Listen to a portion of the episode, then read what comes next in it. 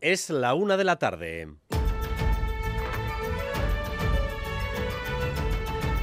Crónica de Euskadi con Dani Álvarez. Arrachaldeón, EITB está hoy en Rafah, en el único paso de entrada o salida a Gaza que no controla formalmente Israel, aunque ya saben que Israel lo controla prácticamente todo. Anne Irazábal ha conseguido llegar hasta allí y allí ha hablado con los pocos que han podido o querido salir de la franja y con quienes pasan, en medio de amenazas y enormes dificultades, ayuda humanitaria a los que están y van a seguir dentro. Anne. Este paso fronterizo de Rafah entre Egipto y Gaza es la única frontera palestina que no está controlada por Israel y el principal corredor para la llegada de la ayuda humanitaria exterior, ese cordón que mantiene la supervivencia de los palestinos tan necesario y a la vez tan insuficiente. Aquí la ayuda humanitaria se cuenta por camiones, a cuentagotas, sigue siendo insuficiente, pero sigue llegando cada día. Enseguida escuchan con detalle qué ha visto allí, porque ella misma nos lo va a contar. Hoy se cumplen cuatro meses desde que Hamas lanzó su ataque sobre Israel. Desde entonces, el gobierno de Netanyahu inició una operación sin descanso que ha tenido apenas unos días de parón para el intercambio de secuestrados. A estas horas vuelve a haber una expectativa de alto el fuego porque Hamas está dispuesta a un alto el fuego.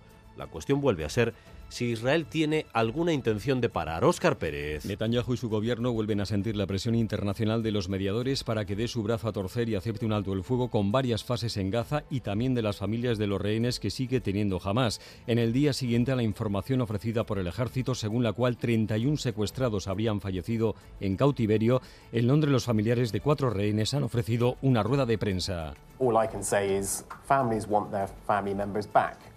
So whatever needs to be done by whatever side that needs to be done. Las familias quieren que sus familiares regresen, por eso lo que cada parte tiene que hacer para que se consiga tiene que ser hecho cuanto antes, ha dicho el familiar de uno de los secuestrados. El secretario de Estado norteamericano se encuentra en Israel y se reúne con Netanyahu para intentar limar las diferencias. En nuestro país, la imagen de la jornada vuelve a ser la de la tractorada. Hoy en Vitoria, baserritarras de todo el territorio a la vez de todas las edades y todos los sectores se unen básicamente por un motivo. Están hartos. Unidad móvil de Radio Euskadi, Natalia Díaz. Sí, eh, Eguno, eh, Guardión, los tractores están colapsando Gasteiz. Aquí en la cámpara, frente a la estación de autobuses en Lacua, han llegado tan solo unos 50. El resto, hasta casi 500, están colapsando en estos momentos eh, los alrededores. La chancha, además, nos dice, ha parado a una buena parte de ellos en la 1 debido a este colapso de tráfico en esa vía, en esa autovía. Hay ahora 12 kilómetros de retenciones. Su llegada, por lo tanto, hasta aquí el punto de encuentro a la 1 se va a retrasar, va para largo, nos dicen que están muy hartos, estamos viendo a gente mayor, jóvenes, chicos, chicas, niños y niñas que quieren seguir, nos dicen, trabajando en el campo como han hecho sus anteriores generaciones. Yo cosecho pues patatas, cereal, 20 años tengo. Se te quitan a veces un poco las ganas, pero hay que dar caña. Yo tengo 17. Tengo vacas de leche, espero seguir con ello, pero no sé, está difícil la cosa, ¿eh? Nos están bajando cada día más y en el supermercado cada día sube más. Somos hijas de ganaderos y agricultores. Necesitamos que esto recupere un poco porque si no esto se va a la mierda.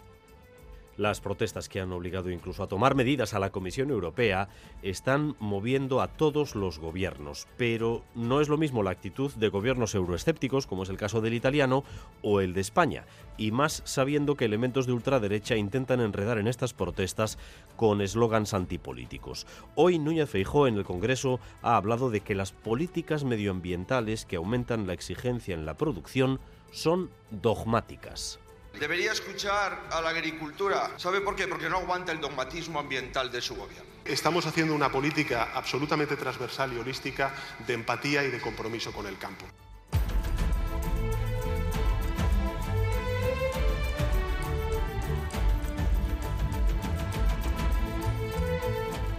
Las diputaciones de Vizcaya y Guipúzcoa plantean un túnel de alta capacidad por Campázar para unir el Orrio con Arrasate, un túnel que evite el actual recorrido sinuoso por ese puerto. Una obra de país que primero deberá superar retos medioambientales que durarán varios años. Esa obra la han presentado desde Vizcaya y Manuel Pradales y desde Guipúzcoa María Ubarrechena. Ponemos en marcha la culminación del corredor Beasain-Durango en eh, un proyecto que entendemos que es de país. Va a crear un impacto positivo en el día a día de muchísimas personas y teniendo en cuenta además que tenemos universidades en las tres comarcas, va a suponer un gran cambio. Nuevas carreteras que reduzcan los tiempos de traslado y que bajen también los riesgos de colapso cada vez que tenemos accidentes con el volumen de tráfico habitual, esto es demasiado frecuente como ustedes saben. Y eso que el transporte público está en máximos. Metro Bilbao pulverizó sus marcas el año pasado con más de 92 millones de usuarios. Los descuentos en el precio han sido claves. Nuestro mejor año. Hemos cerrado un ejercicio en el que hemos firmado otro hito en Metro Bilbao, con un total de 92.380.889 viajes un nuevo récord anual. El segundo mejor Santo Tomás de la historia, la mejor Astenagusía de la historia, los mejores noviembre y diciembre de la historia. Y tenemos también la primera exposición del año en Azcuna Centro A, una muestra artística interactiva, una retrospectiva desde los años 90 del dúo creativo que forman Krista Sommerer y Logan Mignonot pioneros a nivel mundial en el arte de la interfaz. Son 18 instalaciones que reflexionan sobre la naturaleza, la tecnología o el arte. Escuchamos al director de Azcuna Centro A, Fernando Pérez. Desde principios de los años 90, Krista y Lorán han usado los algoritmos para representar no solo las formas de vida, sino también su evolución y su crecimiento. Y en su trabajo conectan temas tradicionales con las tecnologías más innovadoras, empleadas desde lo cotidiano hasta lo quimérico o lo futurible. Notable seguimiento del partido de anoche en ETV1 y en Radio Euskadi. La Real empató a cero en Mallorca a pesar de que tuvo ocasiones claras, pero el equipo mallorquín, como ya sabíamos, es correoso. Esta noche, segunda semifinal, el Athletic se enfrenta al equipo de Diego Pablo. César Pérez Gazola, Zarrachaldeón. Gracias, don Tani. Pues sí, después de que anoche la Real Sociedad diese un paso importante ¿no? hacia una nueva final de Copa con el empate a cero en Somox frente a la Mallorca, que le deja al equipo de honor a solo un gol de la cita de la Cartuja en Sevilla del día 6 de abril. Hoy, como apuntaba Dani, es el turno para el Athletic, los de Chingur y Valverde, que ya están en Madrid, con Nico Williams en la convocatoria, aunque se mantiene aún la duda hasta ahora si va a jugar o no el menor de los hermanos Williams. Visitan al Atlético, un equipo el de Simeone, que lleva más de un año sin perder en su estadio. También han puesto la lista Íñigo Leque y Alex Berenguer. Es la quinta semifinal consecutiva de los Leones. Atlético Madrid Athletic desde las 9 y media de esta noche en el Metropolitano. Como siempre, podrán seguir el partido aquí en Radio Euskadi también por ETV1. Y hoy también cita con la Copa para Athletic Femenino.